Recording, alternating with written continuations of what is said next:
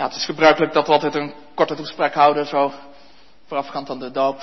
Eigenlijk is natuurlijk ook de hele preek straks een ja, persoonlijke toespraak. maar het is toch goed om enkele woorden tot jullie te richten. Ja, en het is een goed verbruik, mij ook op de theologische school aangeleerd, om, om toch altijd maar iets te nemen uit het formulier. Want het formulier dat is zo rijk. En het is zo goed om daar dan wat van mee te geven. Ik zei het al, je zou eigenlijk iedere zin zou je moeten en kunnen en mogen bemediteren. Als je al ziet hoe het, hoe het begin gaat tegen de donkere achtergrond, die heel eerlijk geschetst wordt in het formulier. Eh, je zou zeggen, het is een gitzwarte achtergrond. Al onze kinderen in zonden ontvangen en geboren en daarom kinderen des toorns. Nou, ga dat maar eens uitleggen aan iemand die, die van buiten de kerk bij jullie komt en zegt, ja, kind des toorns, zo'n ontzettend schattig babytje. Hoe kun je dat nou een kind des toorns noemen? Ja, en toch, het is wel de werkelijkheid. En jullie zullen er ook wel achter komen. Nou, jullie hebben al wat oudere kinderen inmiddels, iets meer. Althans, nog niet zo heel oud, maar toch. Dan, dan weet je dat, ja. Ja, dat het toch waar is. Wat Gods woord ons leert en wat dit eeuwenoude formulier ons voorhoudt. Dat er geen goed in ons woont. En ook niet in onze kinderen. Omdat ze op jullie lijken. En wij zijn allen van het nageslacht van Adam. En lijken op Adam. We zijn als Adam. Bekend gezegd, hè? Een appel, ja, die vind je niet onder een perenboom. En zo is het ook met onze kinderen. Als we het ja, de dingen zien. Ze, ja, ze laten daarmee merken dat ze, dat ze niet zonder meer de Here willen dienen. Dan, ja, dan is dat, dan is dat niet bijzonder. Het is bijzonder als we het andersom mogen merken. Als we mogen merken, ze willen wel de Here dienen. En, en let erop, hè, op jullie kindertjes. Denk niet, daar moeten ze oud voor zijn. Dat kan pas vanaf een jaar of 18 of misschien 25 of, of 40. Nee, nee, de Heer Jezus zegt het zo. Laat de kindertjes tot mij komen. Want er zulken is het koninkrijk. De hemelen. Het is de Heer Jezus die het zelf heeft gezegd als die kindertjes dan te zingen. En de fariseeën zeggen, zeggen dat ze ermee ophouden, die kinderen. Dat kan toch niet? Ze zingen eigenlijk dat u de Messias bent. Dan zegt de Heer Jezus, ja maar, ja maar het zaad zal mij dienen. Zij zullen mijn lof verkondigen. Laten we niet te klein van de Heeren denken. Dat onze kinderen al jong de Heeren kunnen vrezen. Ja, op een kinderlijke wijze, dat wel. We moeten niet van onze kinderen verwachten dat ze dan, bij wijze van spreken, precies hetzelfde kunnen vertellen als, ja, als je als volwassen mens kunt vertellen. Een kind spreekt als een kind. Maar het is wel nodig dat we zonden en genade leren. Adam en Christus. En, en dat we heel concreet onze kindertjes erop wijzen van kijk, dat is nou niet zoals de Heer het van je vraagt. Dat wel. Dat wel. Maar dat niet. Zie je, daarom heb jij een nieuw hart nodig. Daarom heb jij de Heer Jezus nodig, hoe klein je ook bent. Guido de Bred die schrijft in de Nederlandse geloofsbeleidenis. Eén zondige gedachte is genoeg om ons voor altijd buiten het koninkrijk van God te laten. Eén zondige gedachte. Nou, dat is niet zoveel, zullen we zeggen. Zo mogen we onze kinderen ook, zeg maar, het zondebesef in de middellijke wijze bijbrengen, maar tevens hen erop wijzen dat er een middel is, dat er een bron is van water, van levend water. Zoals straks de doop hier zal worden bediend, dan wijst dat erop dat die kindertjes met hun vuile ziel gereinigd kunnen worden door niet het aardse water, maar door het levende water. Door het bloed van de Heer Jezus Christus. Dat reinigt van alle zonden. En dan zegt ons formulier, en daar wil ik nog een paar woorden aan wijden, dat zegt ja, ten opzichte van zo'n grote weldaad, hè, die de Heer nou wil geven aan ons en onze kinderen, ja, daar staat ook wat tegenover. Ten derde, overmits in alle verbonden twee delen begrepen zijn, zo worden wij ook weder van God door de doop vermaand en verplicht tot een nieuwe gehoorzaamheid. Met andere woorden, het is een contract, zegt het formulier. Het is een contract. Heer gaat een verbond aan. Hij zegt, ik wil jullie tot een God zijn. En ik vertel ook hoe ik dat wil doen. Door de Vader, door de Zoon, door de Heilige Geest. Maar nou vraag ik iets van u en van onze kinderen. Nou vraag ik kinderlijke gehoorzaamheid. Een ouder heeft recht op kinderlijke gehoorzaamheid. zoals een ambtsdrager in principe recht heeft op bepaalde erkenning in zijn gezag. En een onderwijzer heeft recht op die erkenning van de leerlingen. Zo zegt de Heer, zo heb ik recht op, op erkenning van wie ik wil zijn. Ik zet deze kinderen apart. En dan wil ik het toch even doen met de woorden van Psalm 147, het laatste gedeelte. Hij maakt Jacob zijn woorden bekend, Israël zijn inzettingen en zijn rechten. Alzo heeft hij geen volk gedaan. En zijn rechten die kennen zij niet. Halleluja. Daar eindigt de psalm mee. De Heer zegt, ik zet dat volk apart, ik zet jullie kindertjes apart. En dat doe ik maar met één doel, opdat mijn huis vol worden. En omdat ze ook hier in dit leven mijn kinderen zullen worden. En zullen leven als kinderen in kinderlijke gehoorzaamheid. En dat wil de Heer nou onderstrepen met het teken van de doop. En daarvoor heeft hij jullie de kindertjes gegeven. We zeggen het zo makkelijk, maar het zijn leenpanden. Leenpanden. De Heer zegt, ik leen ze uit aan jullie. Met een bedoeling. Dat ik ze weer terugkrijg. Als kinderen Gods. Dat ik ze terugkrijg. Als gehoorzame kinderen die een nieuwe gehoorzaamheid kennen. Namelijk, wordt het uitgewerkt, die door de Heere Jezus zelf, door het werk van de Heilige Geest, hem aanhangen, betrouwen, liefhebben van ganse harten, van ganse zielen, van ganse gemoeden, met alle krachten. Ja, dat is dus volkomen. Ja, dat valt niet altijd mee om dat uit te leggen aan je kindertjes. De Heer heeft recht op volkomen gehoorzaamheid en niet op gedeeltelijke gehoorzaamheid. We willen zo vaak een beetje ja, schipperen, compromissen sluiten. Van, nou ja, als ze dat dan maar wel doen, dan, dan moeten we dat misschien maar door de vingers zien. Nee, zegt de Heer, ik heb recht op een volkomen hart. Niet op een gedeeld hart. Ik ben een jaloers God. En ik vraag het hele hart. Ik vraag het hele verstand. Ik vraag al je krachten. Ja, maar dat valt niet mee. Nee, dat valt ook niet mee. Dat is ook niet zo eenvoudig. Maar gelukkig hoeft het niet zelf te doen. De Heer zegt, daar wil ik dan mijn geest voor geven. Die heilige geest die als een wind waait in het hart. Jullie hebben het vanmorgen gehoord. Die noordenwind, die zuidenwind. Die wind van de geest. Die maakt dat zulke harten dit gaan doen. En daarom bid ook veel om de heilige geest. Maar in de middellijke weg mogen jullie en moeten jullie er alles aan doen.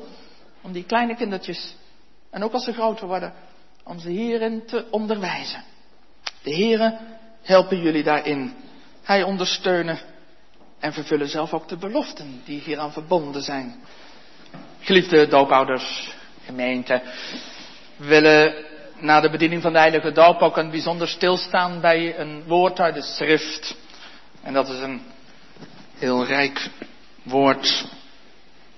We doen dat nam van Psalm 147, vers 13b. Psalm 147, vers 13b, daar lezen we. Hij zegent uw kinderen binnenin u. Tot zover. En we schrijven onder deze tekstwoorden Gods verbondszegen voor de kinderen. Twee gedachten of aandachtspunten. De eerste plaats staan we stil bij de tijdelijke zegen. En in de tweede plaats bij de geestelijke zegen. Een tijdelijke zegen en een geestelijke zegen, of misschien moet ik zeggen in het meervoud tijdelijke zegeningen. tel uw zegeningen in dat opzicht. En de geestelijke zegeningen. Psalm 147. Niet zo'n heel bekende psalm, althans niet een psalm die we heel vaak bepreken of lezen, maar die zo rijk is van inhoud. Het is een, een ja, mogen we zeggen, een danklied dat geschreven is door een voor ons onbekende psalmist. Looft de Heere, zo begint hij. Looft de Heere, want onze God, de psalm zingen is goed. Terwijl hij liefelijk is. Hij is het zo waard, zegt hij, om hem te dienen, om hem te loven, om die kinderlijke gehoorzaamheid te mogen hebben. En niet alleen gehoorzaam zijn, maar ook hem alle eer te geven in onze daden, in onze woorden, in onze gedachten. Hij zegt, wat is de Heere groot? Wat is de Heere goed? Ik hoop dat het ook in jullie harten zo opkwam toen je je kindje en voor het eerst of weer opnieuw een kindje in jullie armen mochten sluiten. En dat je zegt, Heere, wat bent u toch goed? Wat bent u goed? De schepper van al het leven. U die ons dit kindje toebetrouwde. U die ook het leven van moeder spaarde. En dat is ook een, ja, een onverdiende zegen. Of als grootouder, dat we mogen zeggen, Heere, dat u nou een nageslacht wil geven. Dat is allemaal van u gekregen. U bent degene die we daarvoor erkennen. Dat doet de dichter ook.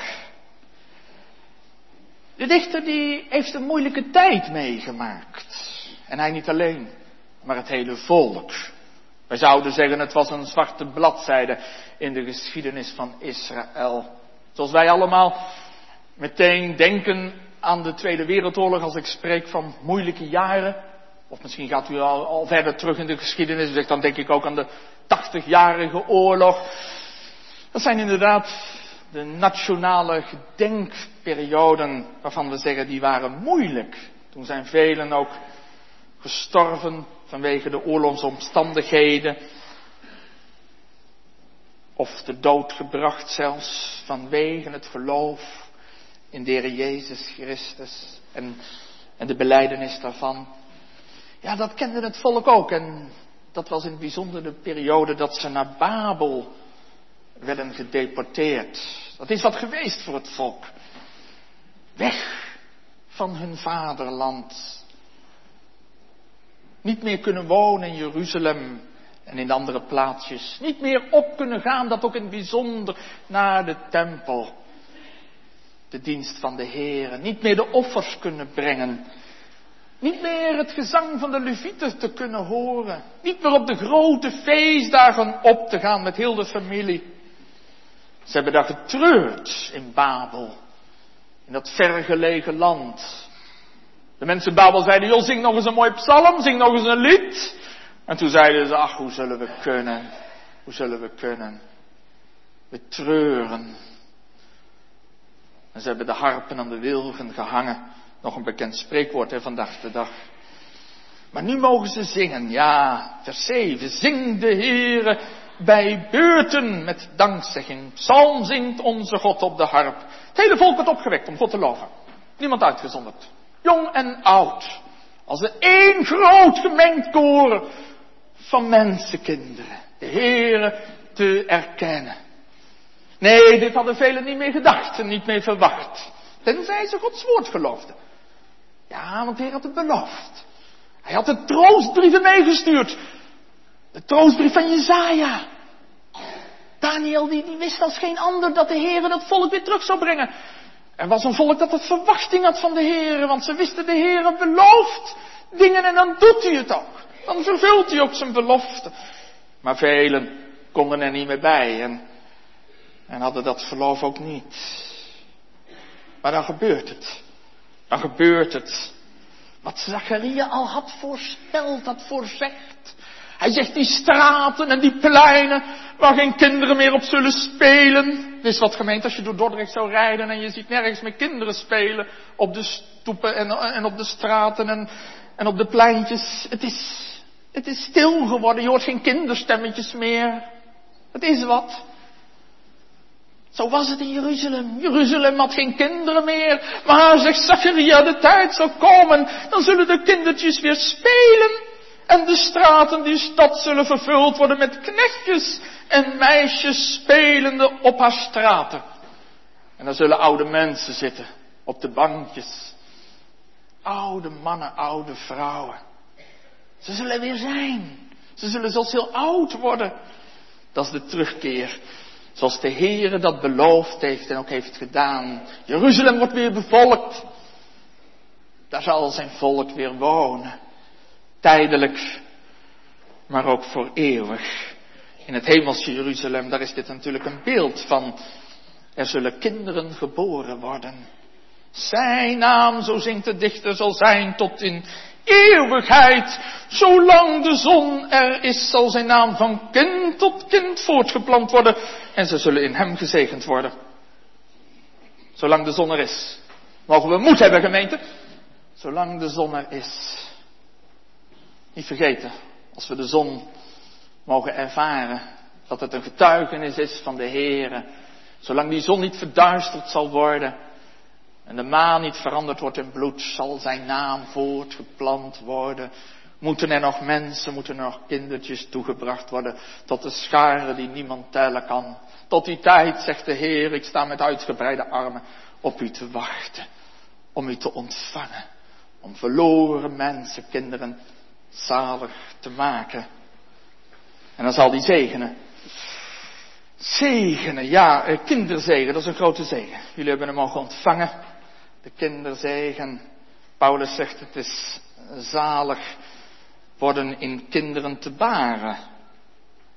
Ja, voor de Israëliet was het een, misschien nog wel veel belangrijker dan voor ons. Wij vinden het ook belangrijk, maar voor de Israëliet was het onthouden van de kinderzegen wel een van de allerzwaarste kruisen die je kon opgelegd krijgen. Men zag daar ook in de ongunst van de Heer. Als, als, als bijvoorbeeld Abraham uh, kinderloos blijft, dan, dan kan hij dat ook eigenlijk niet rijmen met Gods zegenende hand. En, en datzelfde geldt voor Zacharias en Elisabeth. Heer, hoe kan dat nou? Wat is er dan niet goed in ons leven? Dat u ons die zegen onthoudt. En dan werden ze ook werkzaam mee. Heer, Heer, u heeft toch beloofd dat u ons die zegen zal geven. Zo hebben ze gebeden om kinderen. En zo heeft de Heer ook baarmoeders geopend. Ook jullie baarmoeder. Moeders mocht hij openen. Dat is een grote zegen. In je woning. In je huwelijk. Je hebt erom gevraagd. Als gemeente. Tijdens de huwelijksdienst. In het gebed. Heren, zou u de kinderzegen willen geven?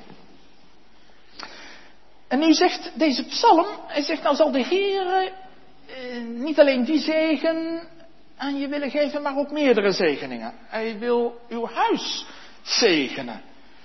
En dat zijn een heleboel zaken. Daar moeten we niet klein over denken. Er zijn mensen die vinden dat allemaal niet zo geestelijk. Die zeggen ja, ja, het gaat toch om dat je een kind van God mag zijn, dat je mag weten dat je zonden vergeven zijn.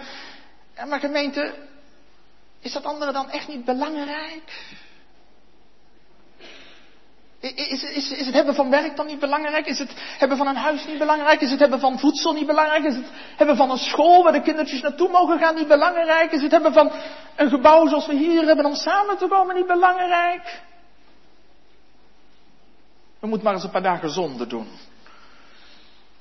Dan weet u weer hoe belangrijk het is. U moet maar eens even naar die vluchtelingenkampen gaan. En op u in laten werken. Laten we dat ook doen, hè. Wat er gebeurt in het Midden-Oosten. Als je toch leest en hoort van het grote verdriet van ouders die hun kinderen niet kunnen geven. Wat wij ze allemaal kunnen geven. Kermt je hart dan niet mee. En leg je dat ook niet neer in het gebed voor de Heere. Heere, geef ons heden ons dagelijks brood. Ons, niet alleen ons gezin, maar ook in ons land, onze gemeente en on, onze mede-Nederlanders, maar vooral ook daarbuiten, heren, de mensen die het niet hebben. Vergeet ze niet om zo ook voor hen te bidden. En te doen wat je kunt doen. Valt me weer zo op, hè, als je het huwelijksformulier leest. Wat staat er dan eigenlijk over het hebben van een inkomen? Dan staat er, Heer, wilt u geven, wilt u dit huwelijk zegenen met inkomen, zodat we kunnen voorzien worden in de dingen die we nodig hebben. Dat is één. En dan zou je misschien denken, er mag wat overblijven zodat we nog een leuke spaarpot kunnen hebben. Nee, dat staat er helemaal niet. Er staat op dat we wat over hebben voor onze naasten. Om de minder bedeelden te kunnen helpen. Dat zegt ons formulier. Het is wat.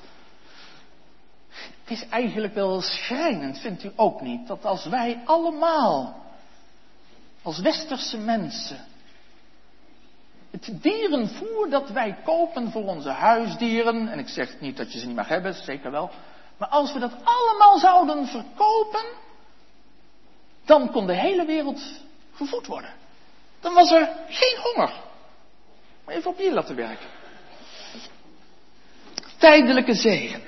En nu twee dingen over die tijdelijke zegen, zoals ze hier worden genoemd.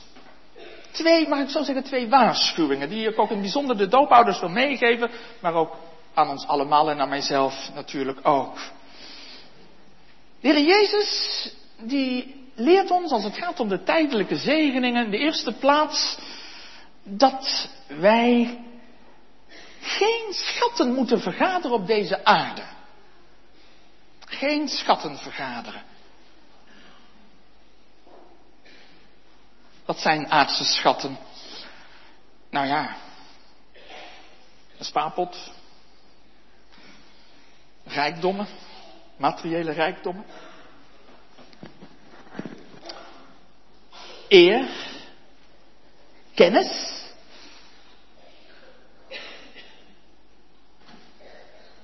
Ja, maar hou even. Je mag je kinderen toch wel uh, aansporen om zich te ontwikkelen. Uh, en het is toch goed dat ze hun best doen? Ja, zeker wel. Zeker wel. Dat zegt de Heer Jezus ook niet, dat je dat niet moet doen. Geef ons heden ons dagelijks brood. En daar moet je de middelen ook voor gebruiken. Maar de Heer Jezus waarschuwt er ons voortdurend voor dat we ons hart niet moeten zetten op die tijdelijke schatten, op die tijdelijke zegeningen. En dat zeg maar op ons, op ons verlanglijstje die aardse schatten bovenaan staan. Want gemeente, dat is het koninkrijk van deze wereld. Dat doen de heidenen ook. Die zoeken ook de dingen voor hun kinderen als ze liefde voor hun kinderen hebben. Dan zoeken ze ook deze dingen. En dat is genoeg voor hen. Zoek geen aardse schatten, zegt de Heer, in die zin dat je daar je hart op zet. Dat dat het belangrijkste voor je is. Want de mot en de roest die zullen het verderven. Doe dat niet. Hoe vaak heeft de Heer Jezus niet gewaarschuwd tegen mensen die rijk willen worden? Die hun vertrouwen op hun goed gaan stellen. En gemeente goed moet u breed lezen. Nou, ook gezondheid valt daaronder. We kunnen zo ons vertrouwen op gezondheid stellen. Op een fijn gezinnetje op, op onderlinge liefde. En dat is allemaal heel goed en groot. Maar zet je hart er niet op. Zoekt eerst het koninkrijk van God. Ook voor onze kinderen. En de rest krijgt je erbij. Toegift. U krijgt het erbij, echt waar. Dat belooft de Heer. Dat is de eerste waarschuwing. Dan de tweede waarschuwing die de Heer Jezus ons geeft. En dat is deze. Hij zegt, wees ook niet overbezorgd. Nou, dat, herken je denk ik als ouder wel, toch? Dat kun je bezorgd zijn over je kindje. En dat is, dat is natuurlijk goed, hè? dat begrijp je. Het is goed als je merkt kindje overstuur is, dat je er meteen naartoe gaat. Het zou heel erg zijn als je het maar laat huilen. Nou ja, gaat wel een keer over. Nee, dan ga je als moeder of als vader er meteen naartoe. Maar we kunnen ook overbezorgd zijn, zegt de Heer Jezus. En dan geeft hij ons een paar voorbeelden. Hij zegt, dan moet je eens letten op de vogeltjes aanziet de vogelen des hemels, dat zij niet zaaien, noch maaien, noch verzamelen in de schuren, en uw hemelse vader voedt nogthans dezelfde. Gaat gij dezelfde niet zeer veel te boven? Hij zegt, let nou eens gewoon op de vogeltjes. Nou ja, doe dat maar eens. Als u musjes ziet in de tuin, moet je aan de woorden van de Heer Jezus denken. Dat er niet één musje van het dak kan vallen, neer zal vallen, dood zal vallen, zonder de wil van de Hemelse Vader. Musje. Nou, een musje telde niet mee in Israël. Die hadden een hele lage prijs. Musjes. En de Heer Jezus noemt ook de jonge raven, zoals ze hier genoemd worden in Psalm 147. Hij voedt de jonge raven. Hij hoort naar de jonge raven. Nou, jonge raven. Ik weet niet of u ze wel eens gehoord hebt. Een hele kolonie van die jonge raven. Ik heb het een keer meegemaakt dat ik ergens in een pastorie moest overnachten. En ik werd al vroeg wakker. Vanwege al die raven die daar zaten. Het was een, een naar geluid, moet ik u zeggen. En ik zou ze graag hebben uitgezet, maar dat ging natuurlijk niet. Het was een hele kolonie. En dat ging de hele dag maar door. En tegen de avond kwamen ze weer allemaal terug. Ik was blij dat ik weer weg mocht. Maar ja, dat zijn de raven. Ze, tellen eigenlijk helemaal niet mee. Ze, ze, zingen helemaal niet zoals de merels en de kanaries. Ze hebben helemaal geen mooie stem om te zingen. Nou zegt de psalmist, let nou eens op die raven. Niemand vraagt naar ze. Niemand wil ze eigenlijk hebben. Maar de Heer die voedt ze. Ben je dan niet te bezorgd soms voor je kleding, voor het voedsel, voor je werk? Of de dingen wel zullen gaan zoals ze moeten gaan? Overbezorgd. Nee, zegt de Heer Jezus. Gaat je als mens nou niet veel meer die dieren te boven?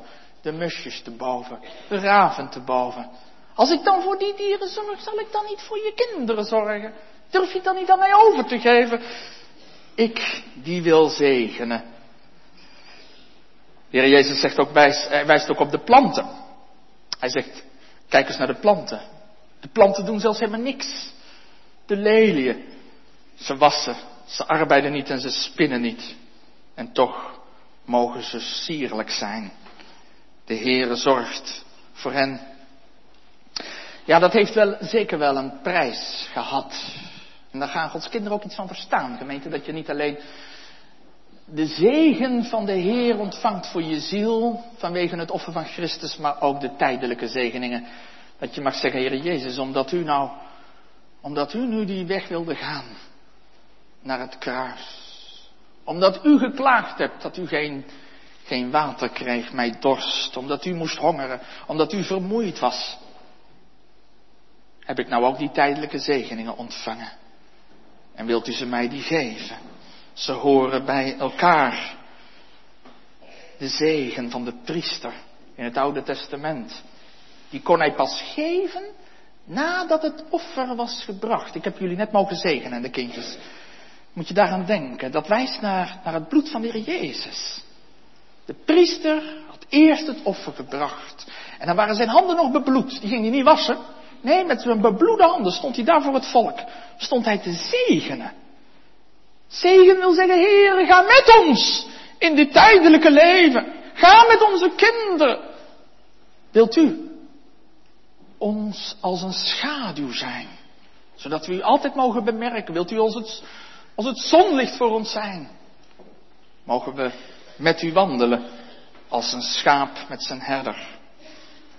Dat is de zegen. Gemeente zegen betekent niet altijd voorspoed.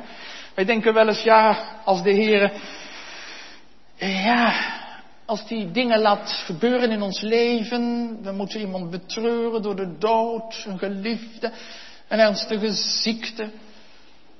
Of we krijgen ontslag op ons werk. De dingen gaan niet zoals we zouden willen dat ze gaan, dat, de, ja, dat het niet van de Heer is. Dan zeggen we, ja, hoe kan dat nou? Hoe kan dat nou? Alsof de Heer alleen maar voorspoed geeft. Asaf had zo'n godsbeeld en Job trouwens ook. Die zeiden, ja Heer, er klopt iets niet. Het gaat tegen de wind in. Er is geen voorspoed. Toen moesten ze leren dat de Heer ook tegenwind kan geven. En dat zijn zegen er niet minder om is. Wat heeft Paulus geleerd, juist in die tegenwind? Als hij moet klagen over een doorn in zijn vlees. Dat moet hij dan, en wat mag hij dan leren? Mijn genade is u genoeg, Paulus.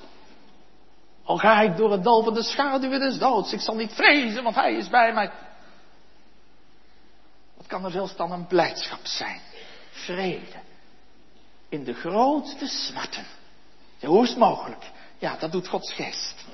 Dat wil Gods geest nou doen. Dat is nou ook die zegenende handen van de Heer Jezus Christus.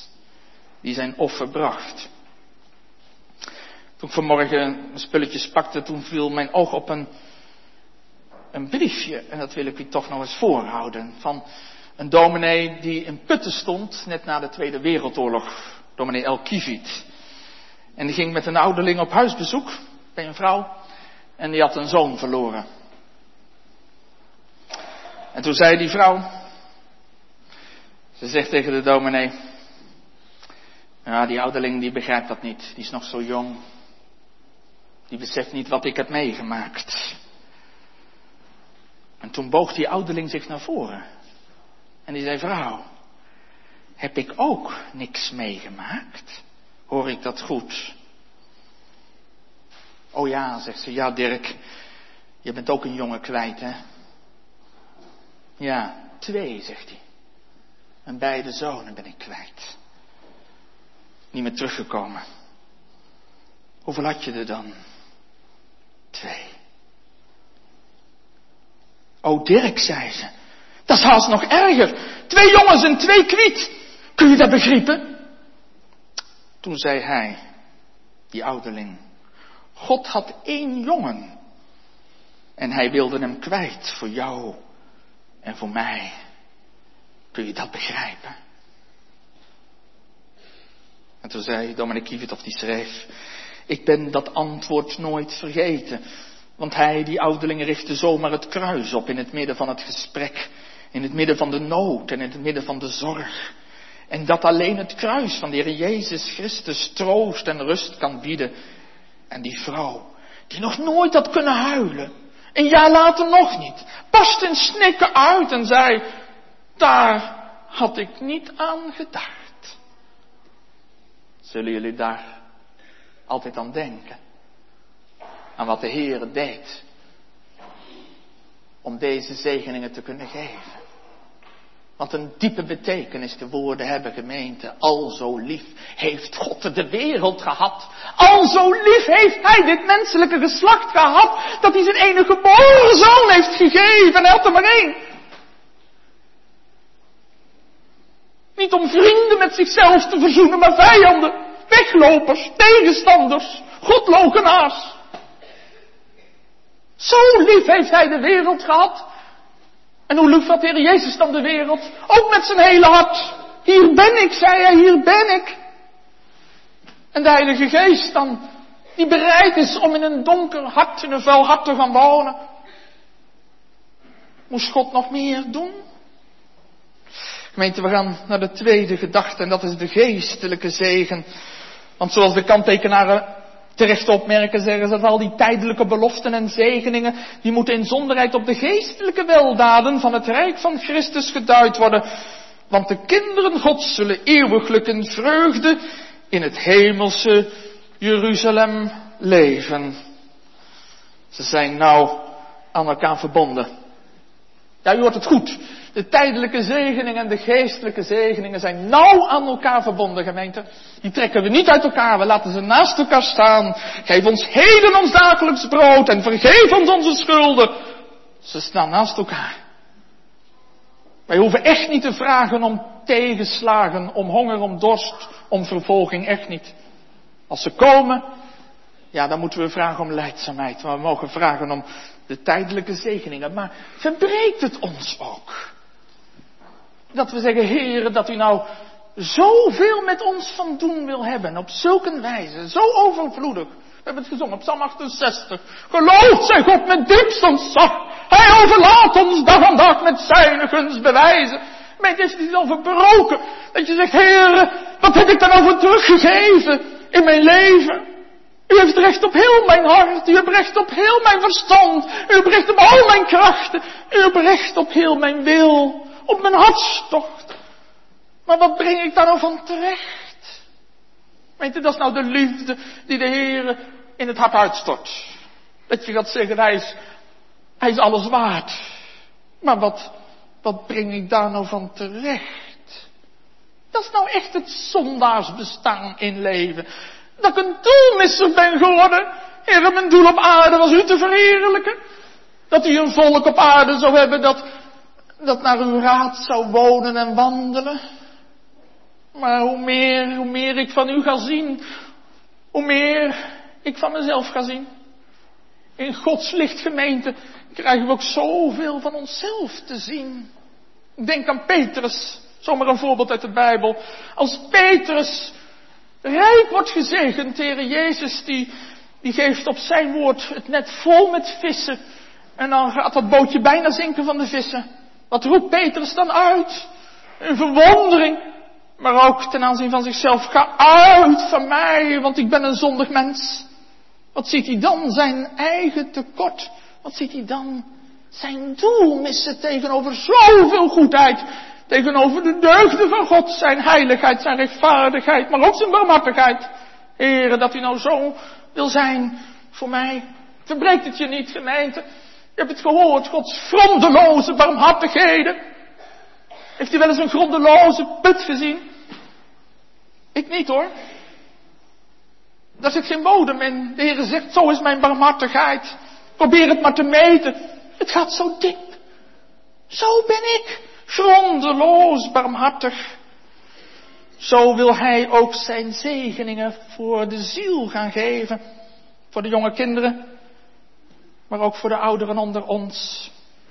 De Heer zegt, wil je het, wil je een teken? Wilt u een teken? Zeg nou, dat zou ik wel willen. Nou, je hebt net het teken gezien en gekregen. Teken van de doop. De Heer zegt, dat is al een eeuwenoud teken. Eerst de besnijdenis met het bloed. Later het water in de plaats van de besnijdenis. Wat rijk is dat teken, gemeente. Wat erg als we dat teken ook niet meer begeren te ontvangen. De Heer zegt, zo'n God wil ik zijn. Voor u, voor uw kinderen. Ik beloof het u. Laatst hoorde ik een zeggen. Hij zegt, broeders, wat maakt God het ons moeilijk om verloren te gaan? Wat maakt God het ons moeilijk om verloren te gaan?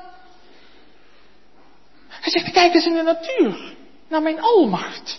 De psalmist neemt ons mee. Hij zegt, kijk eens als de wind waait. Kijk eens als, als de sneeuw valt, als een wit kleed. Kijk eens als het gaat vriezen.